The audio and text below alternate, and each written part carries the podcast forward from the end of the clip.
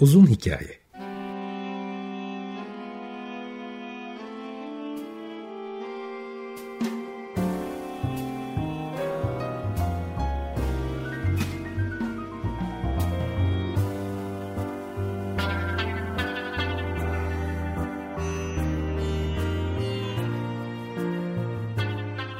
Hazırlayan ve sunan Muzaffer Çorlu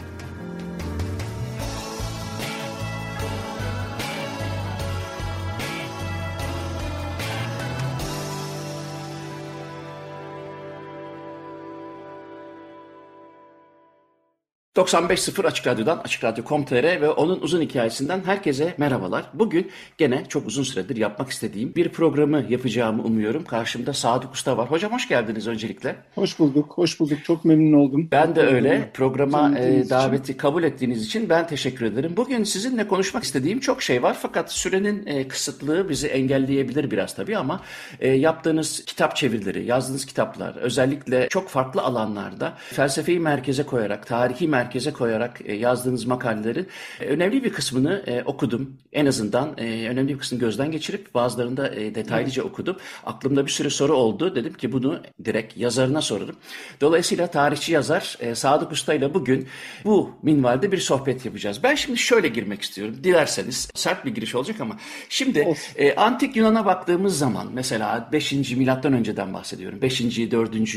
yüzyıllar hatta 6. yüzyıllara kadar milattan önce Sokrat Sokrates'i, Platon'u, Aristoteles'i hepsinin çeşitli aydınlanmacı fikirleri olmasına rağmen büyük acılar çektiğini, sonunda ya öldürüldüğünü ya sürüldüğünü görüyoruz. Aynı şekilde 10. 13. yüzyıl arasındaki o muazzam e, İslam bilginlerinin ya da e, filozoflarının hayatlarına baktığımız zaman ki bunları da detaylı şekilde çok güzel yazmışsınız. Hem makalelerinizde hem kitaplarınızda işte El-Kindi gibi, İbn Sina gibi, İbn Rüşd gibi. E, onların da hayatına baktığımız zaman büyük zorluklar var. Bugün hepsine e, şükran boşluğu olduğumuz fikirleri, e, yöntemleri bilimsel ve felsefi açıdan bizi aydınlatmasına rağmen gene zamanında ya sürülmüşler ya işkence edilmişler ya da idam edilmişler. Dönelim Rönesans, Orta Çağ'dan Rönesans'ı ve Rönesans'ı dahil edelim.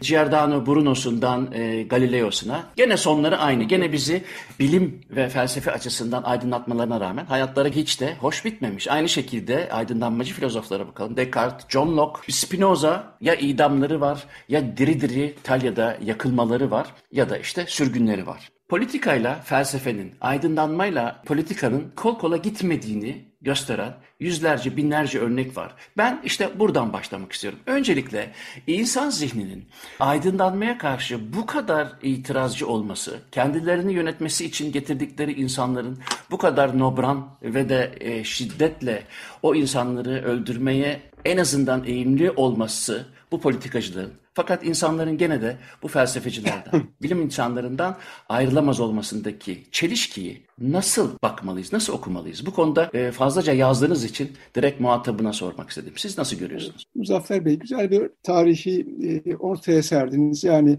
milattan önce 5. yüzyıldan ele alırsak ta günümüze kadar birçok filozofun, bilim adamının, düşünürün bugün hala yani peygamber düzeyinde sevdiğimiz, saydığımız, saygı gösterdiğimiz ve fikirlerinden esinlendiğimiz insanlar bunlar. Tabii bunların hayatları e, sanıldığı gibi çok kolay olmamış. Yani sefaat içinde yaşamamışlar, lüks içinde yaşamamışlar. Bunların hepsi hem maddi açıdan yoksulluk çekmişler hem aynı zamanda manevi açıdan e, itilip kakılmışlar, tehdit edilmişler. Kimisi doğrudan doğru işte bahsettiğiniz gibi idam edilmiş. Bruno gibi Roma'da yakılmış. Hallacı Mansur gibi yakılmış, derisi yüzülmüş Nesimi gibi. Yani bu aslında düşünürlerin, bilim insanlarının ve bilgelerin kaderleri diyebiliriz. Ben bunu hep, hep söylerim. Yani insanlar şöyle zannederler. Zaman zaman bana sosyal medya üzerinden de sorular gelir.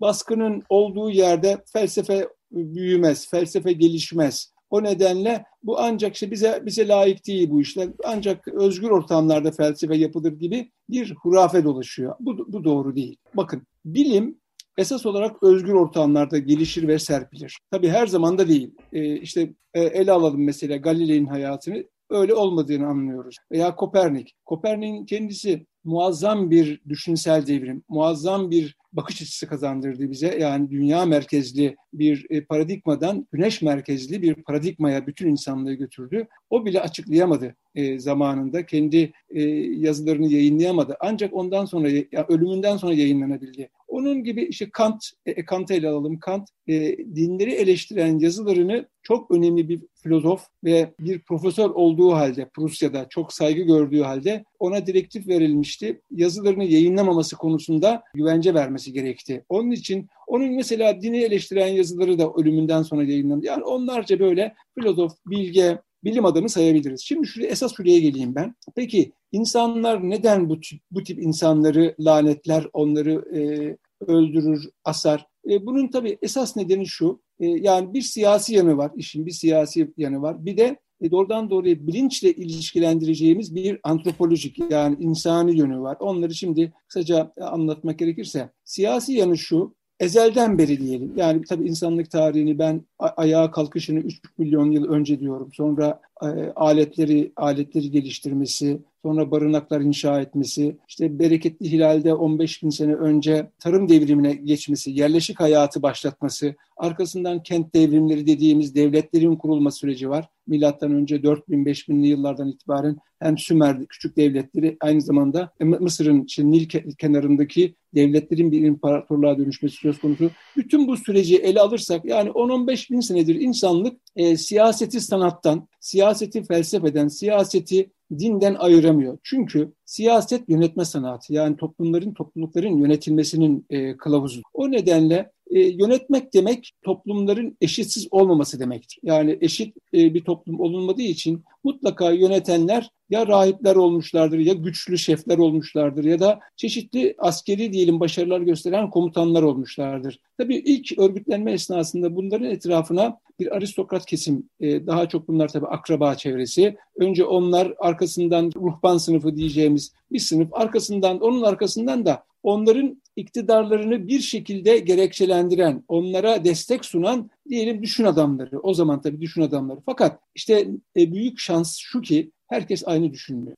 Bu işin siyasi yanı. Yani siyaset her zaman e, felsefeyi, sanatı, düşün alanlarının ürettiği bütün o işte bilim vesaire gibi alanları kendi hizmetine sunmak ister. Kendi hizmetine sunamadıklarını ise dışlar, ötekileştirir, onları baskı altına alır. Tarihte birçok kez yaşadığımız için o bilim adamlarını ya sürgüne gönderir ya da tehdit eder, susturmaya çalışır veya onu yapamazsa da idam eder. Bu e, siyasetle diğer diyelim düşünce alanlarının ilişkileri. Bir de insanın antropolojik bir özelliği var. O da şudur. Zihin dediğimiz olay tabii uzmanlık alanınız sizin. Şayet bir hatam olursa aff affedin. E, zihin dediğimiz olay eşitsiz gelişiyor. Aslında tabii bunun nedeni maddenin kendisi. Maddenin kendisi eşitsiz gelişir. Yani diyelim bir bardak su bir anda buz tutmaz. Önce ona en soğuk kısmın yani soğuk moleküllerin temas ettiği noktalardan itibaren buz tutmaya başlar ve ondan sonra uzakta olan yerlere ulaşır. O buz dediğimiz kütleselleşme, kristalleşme. Aynısını biz maddenin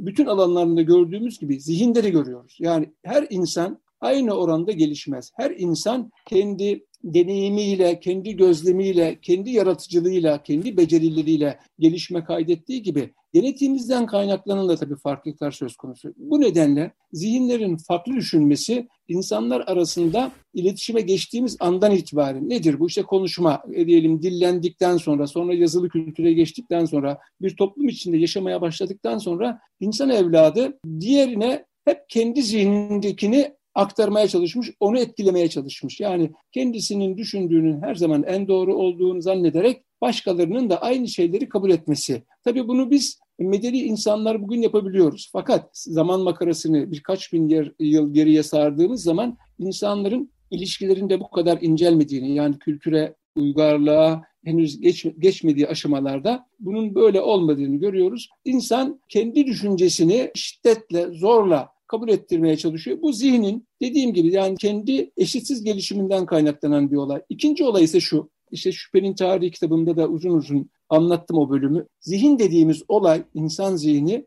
e, bilgi boşluğu kabul etmez, veri boşluğu kabul etmez. Her zaman kafasındaki merak dediğimiz olaya bir açıklama getirmek ister. Yani merak ettiği bir bilgi vardır, merak ettiği bir konu vardır. O konuya, o bilgiye mutlaka ulaşmak ister. Şayet elindeki imkanlarla yani teknolojik imkanlarla, deneyiminden hareketle, gözlemlerinden hareketle onun özüne vakıf olabilirse amenna. Vakıf olamadığı andan itibaren zihin o boşluğu zihnin kendi deneyiminden, kendi bilincinden hareketle dolduruyor. Yani ona bir şey atfediyor. Tabii bu olağanüstü bir olay aslında. Yani insanın geleceğini tasavvur etmesi de ancak bu sayede olmaktadır. Biz geleceğimizi elimizdeki somut, günlük, her an yaşadığımız verilerle birleştirerek yani geleceği de tasavvur ancak böyle edebiliyoruz. E, olmayan bir şeyi düşünerek, olmayan bir şeyin olmuş olduğunu varsayarak, olmayan bir şeyi yeniden kafamızda yaratarak, zihnimizde yaratarak kendi hayatımızı inşa ediyoruz. Kendi kişiliğimizi, kimliğimizi, siyasi kimliğimizi, dini inançlarımızı böyle inşa ediyoruz. Şimdi bu süreçte yani insanın merak ettiği olaylara, olayların arkasındaki gerçekliğe, nedenselliğe ulaşamadığı anda buna e, birçok insan yani insanın kendi yapısından hareketle söylüyorum. Birçok insan bunun nedenselliğini yüce bir güce atfetme eğilimi taşıyor. Bu da şimdi olumsuz değil aslında. Bu da olumsuz değil. Neden? Çünkü siz boşlukta bırakmayıp yüce bir güce ama çözemiyorsunuz da elinizdeki teknolojik olanaklar, bilimsel verileriniz, bilimsel yetenekleriniz buna el vermiyorsa ona yüce bir güç atfederek, yüce bir gücün inisiyatifine bırakarak, iradesine bırakarak aslında o konuyu kafanızda hala tartışmaya devam ettiğinizi de göstermiş oluyorsunuz. Dolayısıyla bir süre sonra yüce bir güce atfettiğiniz olayların aslında ondan kaynaklanmadığını, bunların doğa olayları olduğunu veya bizim kendimizin neden olduğunu elimizdeki teknolojik olanaklarla zihnin gelişmesiyle ortaya koydukça ne yapıyoruz? Aydınlattıklarımızı kendi tarafımıza e, çekiyoruz. Aydınlatamadıklarımızı hala e, yüce bir güce atfediyoruz. Ve böylece insanlık işte yüz bin senedir böyle gelgitlerle bugüne kadar gelmiştir. Yani zihnin o boşluk kabul etmemesi, başka bir ilahi bir güce diyelim nedenselliklerini atfetmesi, bütün bu süreç zamanla inançları ortaya çıkarmıştır. Bu inançlar da ilk başta kötü değildir. Tabii birçok laik ve soldan gelen arkadaşlar önce şaşırmaktadırlar benim bunları söylediğimde. Neden? Çünkü inançların, dinlerin bugünden hareketle düşünüyorlar tabii. İnançların ve dinlerin hep kötü olduğunu zannediyor. Hayır. İnanç sayesinde insan zihni olağanüstü kanatlandı. İnanç sayesinde insan nedenselliklerin başka bir güç tarafından, irade tarafından yönlendirilebileceğini düşündü. Bakın somuttan bir anda soyuta, önündeki diyelim somut olgudan bir anda olağanüstü, zihinler üstü, muazzam bir e, ufka doğru kanatlanmış oluyor zihni. Ama şimdi ikinci bir tarafı var bunun. O da şu. Mesela bir örnek vereyim hemen araya girerek yeniden. Platon. Platon'u ben idealist felsefenin babası olarak görüyorum ve birçok insan da öyle görür. Kafasında kavramların bir tanrısal alanda mükemmellik halinde bulunduğunu, bizim insanların dünyada gördüklerimizin ve yaşadıklarımızın oluşturduğumuz kavramların onların bir taklidi, onların bir e, ne diyelim eksik kavramlar olduğunu ileri sürerek aslında felsefeye olağanüstü bir boyut getirmiştir. Yani bizi bir anda zihnimizle tanıştırmıştır diyebiliriz. İnsan zihni, birçok insan bunu anlamıyor. İnsan zihni kendiliğinden gelişmiyor. Ürettiklerinden ve yaşadığı sıkıntılardan, gördüğü diyelim e, felaketlerden, yaşadığı felaketlerden veya yaşadığı güzelliklerden dolayı yeni alanlar keşfediyor. Teknolojinin nasıl geliştiğini görebiliyorsak yani taş baltadan bir kıldan ince beyin damarını onaran bir beyin cerrahının elindeki lazer ışınına kadar nasıl gelişmişse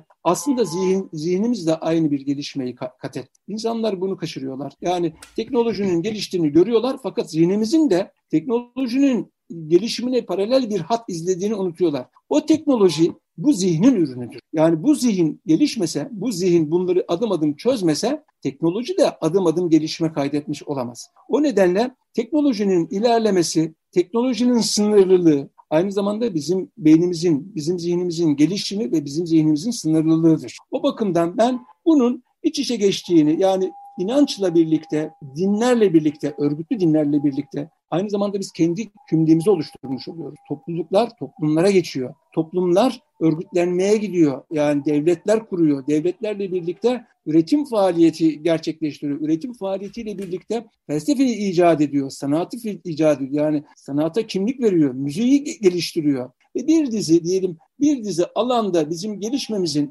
e, nedeni zihnimizdeki bütün bu gelişmeler, felaketler, buhranlar ve krizlerdir. Yani bu sayede zihnimiz olağanüstü gelişmektedir. Tabii bir zaman sonra bu inançları, bu dinleri kullanan iktidarlar az önce bahsettiğim gibi yani o şeflerin etrafında, kralların etrafında e, örgütlenen ruhban sınıfları, din adamları zamanla bu dinlerin, bu inançların yani bir zamanlar kişiliğimizi, kimliğimizi oluşturan ve olumlu bir rol oynayan bu inançların ve dinlerin bir zaman sonra baskı ve sömürünün aracı olduklarını görüyor. Tabii bunların bu sürecin aynı zamanda felsefeye yansımaması mümkün değildi. Yani hmm. düşünen zihinlerin işte baskı altına alınması, bazen bunların olumlu karşılanması, insanların bunları bağrına basması, iktidarların bunu bağrına basması ama bir noktadan sonra da onların artık tehlikeli olmaya başladıklarını gördükleri andan itibaren de ötekileştirip dışlamaları, baskı altına almaları, susturamadıklarını da zindan atmaları veya işte Voltaire, Diderot gibi büyük adamlar Basri zindanlarında yaşadılar. Bir süre sonra da bunların idam edilmeleri, yok edilmeleri, kitaplarının yakılması söz konusudur ki bütün süreç aslında dediğim gibi insanlık tarihidir aynı zamanda. Hı hı. E, hem şüphenin tarihinde hem de diğer makalelerde e, çok net bir şey söylüyorsunuz. En başta belirttiğiniz gibi felsefenin ya da e, bilimin aslında tamam özgür ortamlar isteyebilir. E, özgürlük çok önemli olsa da felsefenin geliştiği ya da önemli fikirlerin ortaya atıldığı zamanların buhran yıllarıyla ya da en azından o fikri atacak kişinin hayatındaki zorluklarla ilişkisinin olduğunu söylediniz. Ben biraz daha buradan hem kognitif açıdan hem zihinsel açıdan devam edeceğim ama e, burada bir küçük bir soluklanma arası verelim isterseniz. O da ben şeyi seçtim Hildegard von Bingen'i seçtim 11. yüzyılda çok önemli bir e, keşiş müzisyen yazar. Aynı zamanda Ütopyası da var. E, tabii tabii o konuya da geleceğiz zaten. Öyle evet. bir bağlantı da yapacağım. Hortus Deliciarum'dan e, bir şey dinleyelim sonra devam ederiz. Hildegard von Bingen'den e, Hortus Deliciarum. Bugün iki müzik arası vereceğiz. İkisini de ben izninizle buradan seçtim. Çünkü biraz önce de söylediniz ben şaşırdım. Çünkü çok az bilinen bir müzisyendir en azından. Özel ilgi alanı olmayanlar için Hildegard von Bingen ama Ütopyası da var dediniz. Fakat e, Thomas More'un e, Ütopyası'nı da Türkçe'ye siz çevirdiniz değil mi? Yanılmıyorsam ya da çevirilerinden bir tanesi. Çevirilerinden bir tanesi. Almancadan mı Latinceden mi? Latince çevirisini Almancadan biliyorum. çevirdim. Siz Latinceden Almancadan kontrol ettim. Evet çünkü orijinali Latince olduğu için evet, e, onun da çevirisine rastlamıştım. Sizin Almancadan çevirinizi de gördüm. Aslında o kitaptaki gene en baştaki konuya geleceğiz. Thomas More'un da sonuçta hayatı gene idam idamla son, sonlanmış. Evet, Çünkü sonuçta. değil mi 8. Henry'nin pek işine gelmeyen fikirleri dolayısıyla Thomas More'un hayatı e, o şekilde sonlanmış. Fakat oraya şuradan bağlayalım. Şimdi sohbetin e, ortasında durduk. E, ezan geldi. Ben de özlemişim. Ezan sesini de çok severim. İyi okunduğu zaman çok severim ezanı. Orada da biz kayıt dışı konuştuk ama onu bu muhabbete e, eklemlemek isterim. Orada güzel bir şey söylediniz. Din ve dindarlarla ilişkili olarak diyaloğun önemini söylediniz. Çünkü Türkiye'de e, bilmiyorum bu ne kadar siyasi bir düzleme çekilir ama diyaloğun giderek zorlaştığı toplumlarda gene bizi e, zihnimizin e, sınırları diye sizin söylediğiniz ama yani bizim kognitif dünyaya bakış açımız ve oradan ürettiğimiz fikirler bizim bütün hayata bakışımızı ve tavrımızı belirliyor. Dolayısıyla başlangıçta insanın bir çözüm olarak kognitif dizonans diye anlatılan yani bilmediği, anlamadığı bir şeye atfettiği ve de belki de bunun hem bir teselli sağlaması hem de en azından bir cevap olması itibariyle e, dinlerin başlangıçta e, yararlarının da olduğu birçok e, neuroscientist'in de e, gündeminde. Hatta Ramachandran'dan Harari'ye kadar e, bilim insanları oradaki uzlaşmayı aslında çok da zihnin e, zararlı bir yan etkisi olarak görmüyor. Dolayısıyla günümüze geldiğimizde biraz önce uzun uzun ve çok güzelce anlattığınız bilimin bugün teknolojiyle nasıl buluştuğu noktasında biz aslında insanlar arası diyaloğa çok muhtacız çünkü artık birbirimizi yakmıyoruz, öldürmüyoruz ama zihinlerimizin de paralelize olduğu e, yerlere ihtiyaç var. Dolayısıyla sizin e, bir tarihçi yazar olarak soruyorum bunu ve de tecrübeleriniz bu konuda çok konuştuğunuzu biliyorum. Çok güzel konuşmalar yaptığınızı biliyorum. E, bu diyalog meselesini sizden dinlemek isterim. Neden? Daha önemli ve de bu nasıl gerçekleşir? Birbirimizi artık yakmıyorsak e artık bir masanın etrafına oturup konuşmanın vakti geldi. Bunu nasıl yaparız? Evet e, Muzaffer Bey tabii e, konuşmamın birinci bölümünde ifade ettiğim gibi siyasetle, felsefe, siyasetle inanç çok fazla iç içe geçti son yıllarda özellikle Hı. Türkiye'de. E, bunu tabii iktidarda zaman zaman aşırı bir şekilde kışkırtmaktadır. Yani bir kamplaşmaya neden olacak söylemlere önem vermekte, onları politikasının esas araçları haline getirmektedir. Fakat bu gerçek ama aynı zamanda bu kamplaşmaya direnen çok sayıda insanlar ve kesimler de var. Bu kamplaşmanın topluma zarar verdiği, toplumun birikimini, üretimini, verimliliğini yok ettiğini, insanların enerjisini heder ettiğini söyleyerek birçok insan buna direnmektedir. Aynı anlayışı ben de savunuyorum. Zihnimizin farklı görüşlerle çarpışmaya ihtiyacı var. Çünkü zihnimiz ancak etki ve tepkiden hareketle dünyanın gelişimine, maddenin gelişimine, zihin, zihinlerin, teorilerin gelişimine bakarsak hiçbir zihinsel faaliyet, hiçbir zihinsel açıklama tek başına var olmamakta. Ancak o bir etki ve tepki içerisinde ortaya çıkmaktadır. Yani hiçbir şey buna zihinsel üretimler de dahil olmak üzere boşluğa inşa olmaz. Bir şeyi temel alır ama bir şeye karşı, bir şeyi reddederek e, kendisini inşa eder. Bu bakımdan ben e, farklı düşünen insanların diyalog içinde olması, birbirlerinin kafasına kül tablası fırlatmadan birbirlerinin anlayışlarını dinlemelerini, birbirlerinin görüşlerini dinlemelerini ama aynı zamanda farklı görüşleri kendi görüşlerinin sistemleştirilmesinde, değiştirilmesinde ve yeniden inşa edilmesinde bir araç olarak görebilirler diyorum. Bu aslında medeni insanın yapması gereken bir şey. Bu bu yararlı bir şey. Bu hepimize yararlı bir şey. Çünkü biz öteki dediğimiz karşımızdaki vatandaşın, karşımızdaki odağın aslında bizim öbür suretimiz olduğunu bilmemiz lazım. Biz onun sayesinde onu bir ayna olarak kullanabilirsek, kullanmayı becerebilirsek, akıllı davranarak, onu bir ayna olarak kullanabilirsek, kendimizin inşasını da, kendi kimliğimizin inşasını da kolaylaştırabilir. Kendi zihinsel gelişimimizde güvence altına alabiliriz. Onun dışında bakın ben sol ve Marksist bir çevreden geliyorum. Şu son 2-3 yıllık, tabii bunu neden yaptım onu da söyleyeyim hemen kısaca. 2-3 yıldır İslamcı çevrelerle, özellikle İslamcı entelektüel çevrelerle çok içli dışlı çalışıyorum. Onlarla sık sık görüşüyorum, onların fikirlerini önemsiyorum. Çünkü Dünyayı Değiştiren Düşünürler diye beş ciltlik bir çalışma hazırladım. Beşinci cilt tamamen İslam tarihi, İslam felsefesi ve İslam düşünürleri üzerineydi. O süreçte benim İslam tarihiyle ilgili tabii ben sosyalist bir çevreden geldiğim için e, felsefe, siyaset, Avrupa kültürü zaten 18 yıl Almanya'da yaşadım. Avrupa siyaset bilimi, Avrupa felsefesi bana yabancı değildi. Fakat ihmal ettiğimiz Doğu felsefesi yani e, özellikle İslam coğrafyasında ortaya çıkmış düşünürlerin hayatlarını bilmiyoruz. İslam e, felsefesini bilmiyoruz. Hatta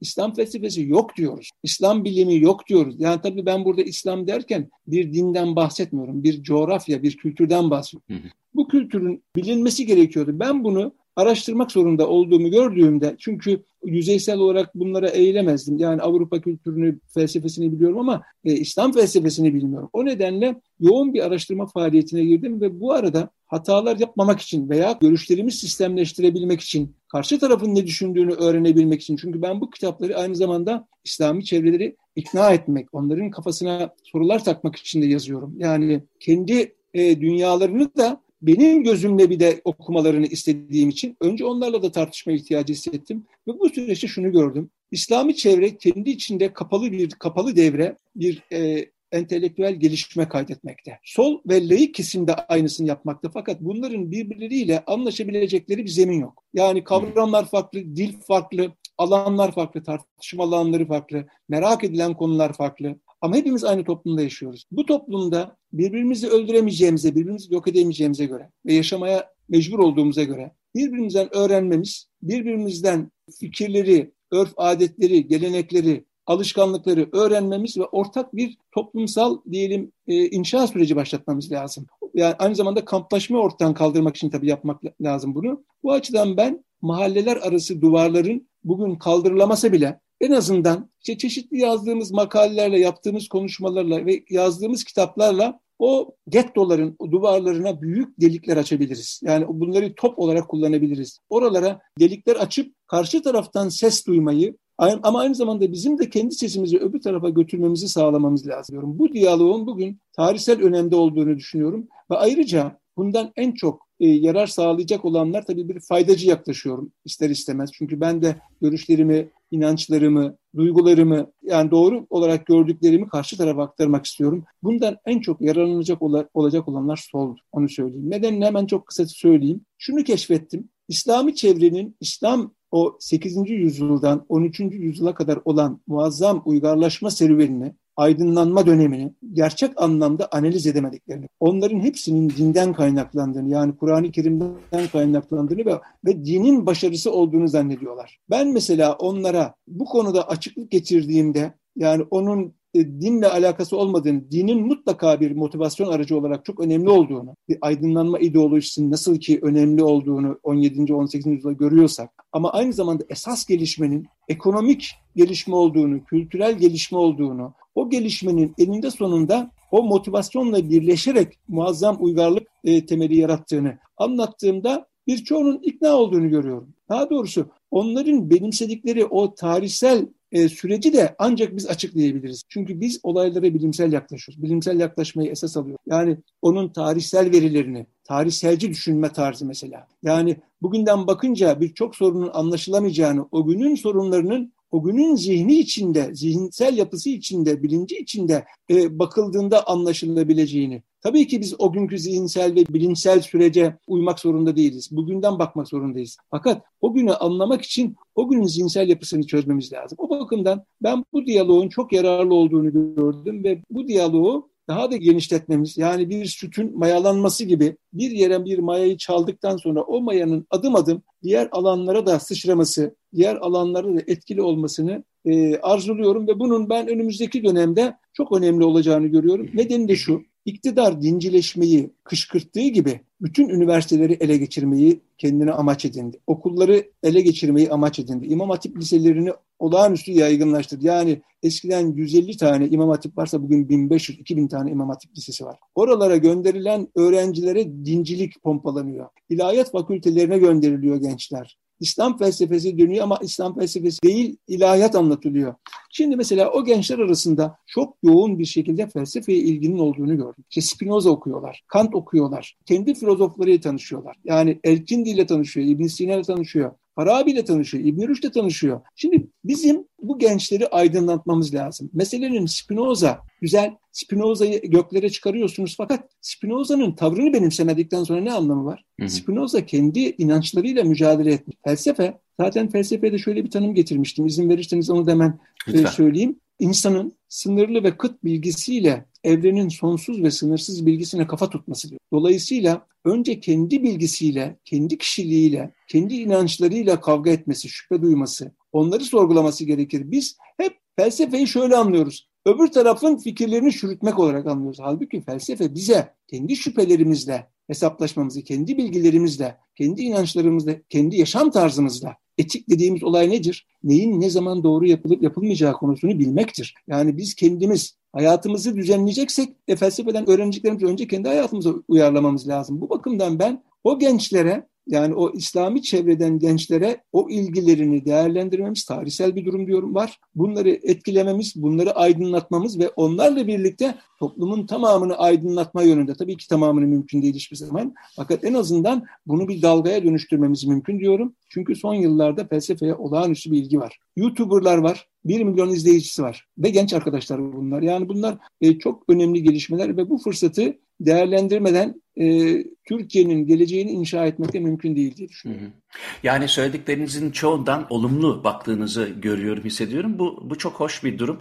Ben de YouTube'daki ya da işte çeşitli sosyal medyada görüyorum ki e, hem eklektik yaklaşmayı insanlar biraz daha fazla içselleştiriyor. Tamam tabii ki ifrat tefrit var. Uç noktalarda e, takım tutar gibi işte solculuğu ya da sağcılığı, inançlılığı, inançsızlığı onları görüyor. Fakat gerçekten de büyük bir çoğunlukta e, o diyaloğa Bilmiyorum tabii ben yani Belçika'dan bak bakıyorum ve sosyal medya araçlarıyla bakıyorum. Dolayısıyla da e, yanılma ihtimalim çok yüksek. E, ama e, sizin bu söylediğiniz şeylerden görüyorum ki negatif olmak için de çok fazla bir sebep yok. Yani e, bu yok. diyaloğa insanların aslında zihinlerinin hazır olduğunu düşünmemek de mümkün değil. Çünkü artık mesela evrim sel süreçleri daha ne kadar reddedebilir? Bunun çünkü artık bir e, siyasal zemini de kalmadı. E, düz dünyacılığın komik duruma düşmesi gibi bir durum. Çünkü evet. artık biz bunu gözlemleyebiliyoruz. Gözlemlediğimiz şeyleri de tekrar edebiliyoruz. Hatta karşı taraftakini de bunu gözlemlemeye davet edebilen araçlarımız da var.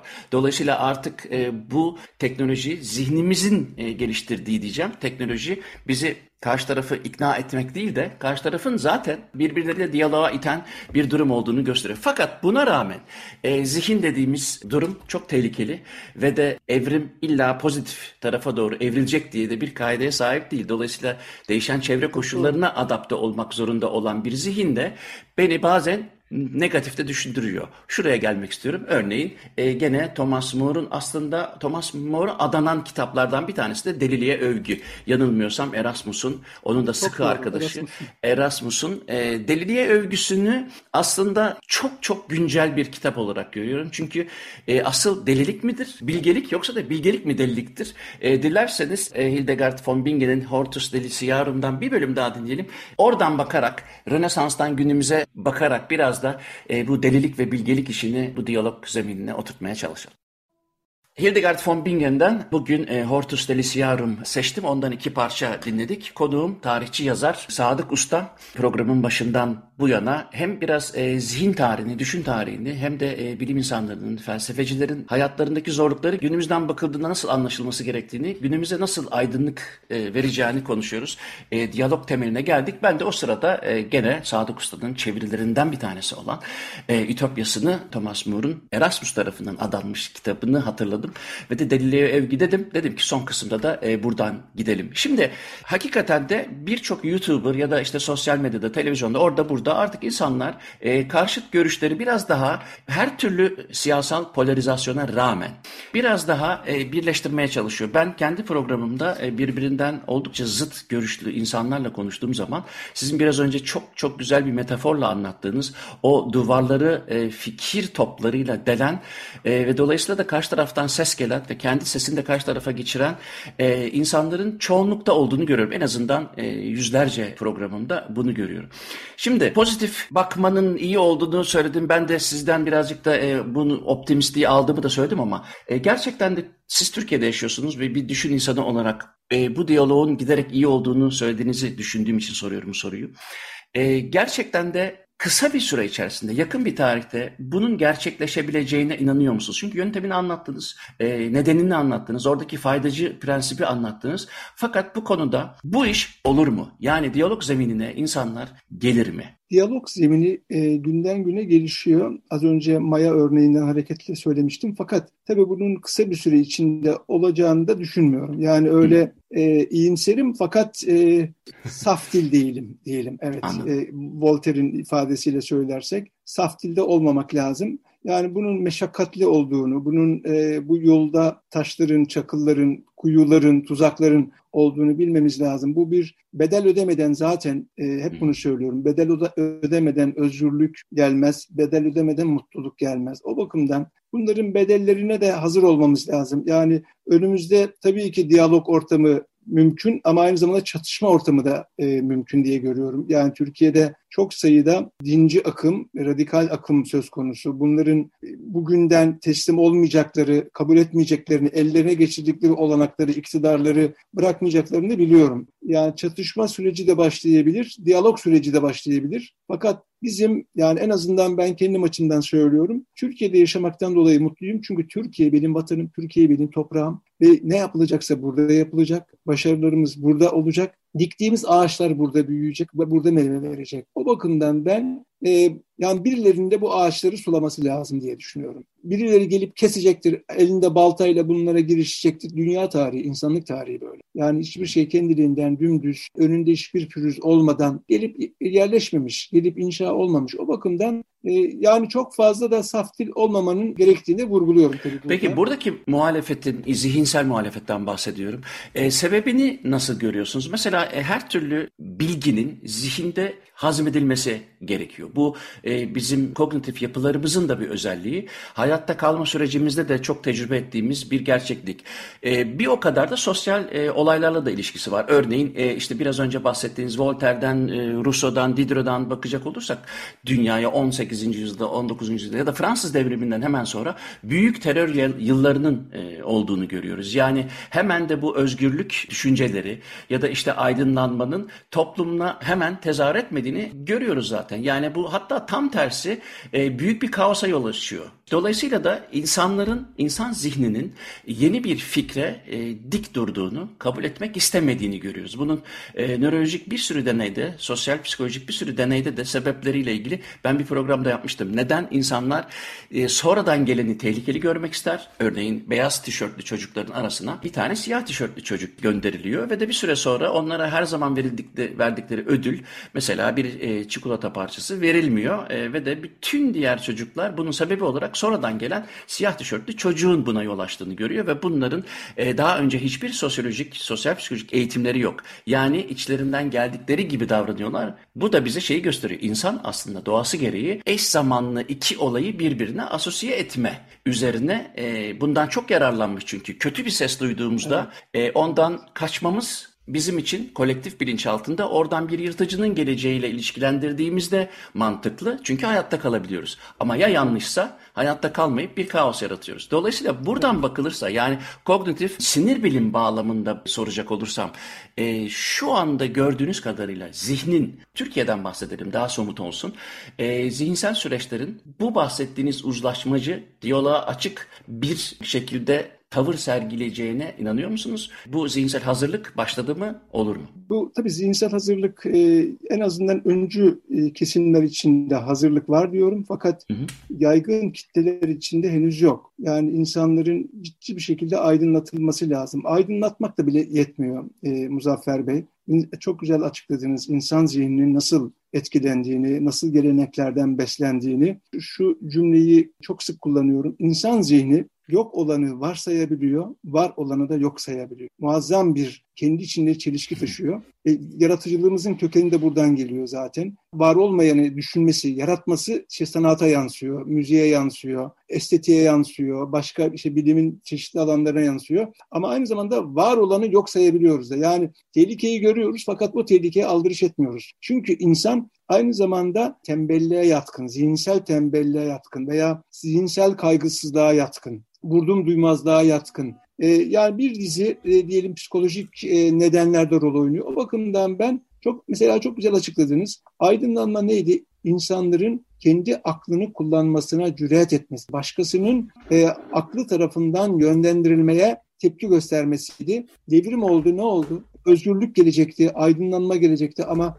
o devrimi yapanlar önce birbirlerini kestiler. Yani en aydınlanmış olan insanlar birbirlerini kestiler. Yani bu kadar trajik bir durum e, söz konusu. Bu bütün e, insanlık tarihi için geçerli. Bugün Türkiye için de geçerli. Meselenin sadece aydınlatmak da olmadığını söyleyebilirim. Yani bizim birilerine dışarıdan onlara neyin doğru, neyin yanlış olduğunu söylememiz ve bunun söylediklerimizin yüzde yüz doğru olsa bile, doğru kabul etsek bile onun, onun o şekilde algılanmayacağını da bilmemiz lazım. Çünkü anlattığımız insanlar yani karşımızdaki duran insanların aynı zamanda binlerce yıllık gelenekten beslendiklerini, kültürel geleneklerden, kültürel alışkanlıklardan beslendiklerini, belli çevrelerde beslendiklerini, yetiştiklerini, gece gündüz o belli fikirlerle, belli inançlarla büyüdüklerini düşünmemiz lazım ve onları birdenbire kırmanın çünkü zihinsel değişikliğe uğrasa bile hayatını değiştiremiyor. Çünkü belli bir çevrede yetişmiş, belli bir çevrede var olmaya devam etmek zorunda olduğunun bilincini e, taşıyor. O biliyor akılsız değil insanlar. Ben diyor tamam diyor bu arkadaşın dediklerini kabul edeyim ama ama ben bunu hayatımda yaşayamayacağım ki diyor. Çünkü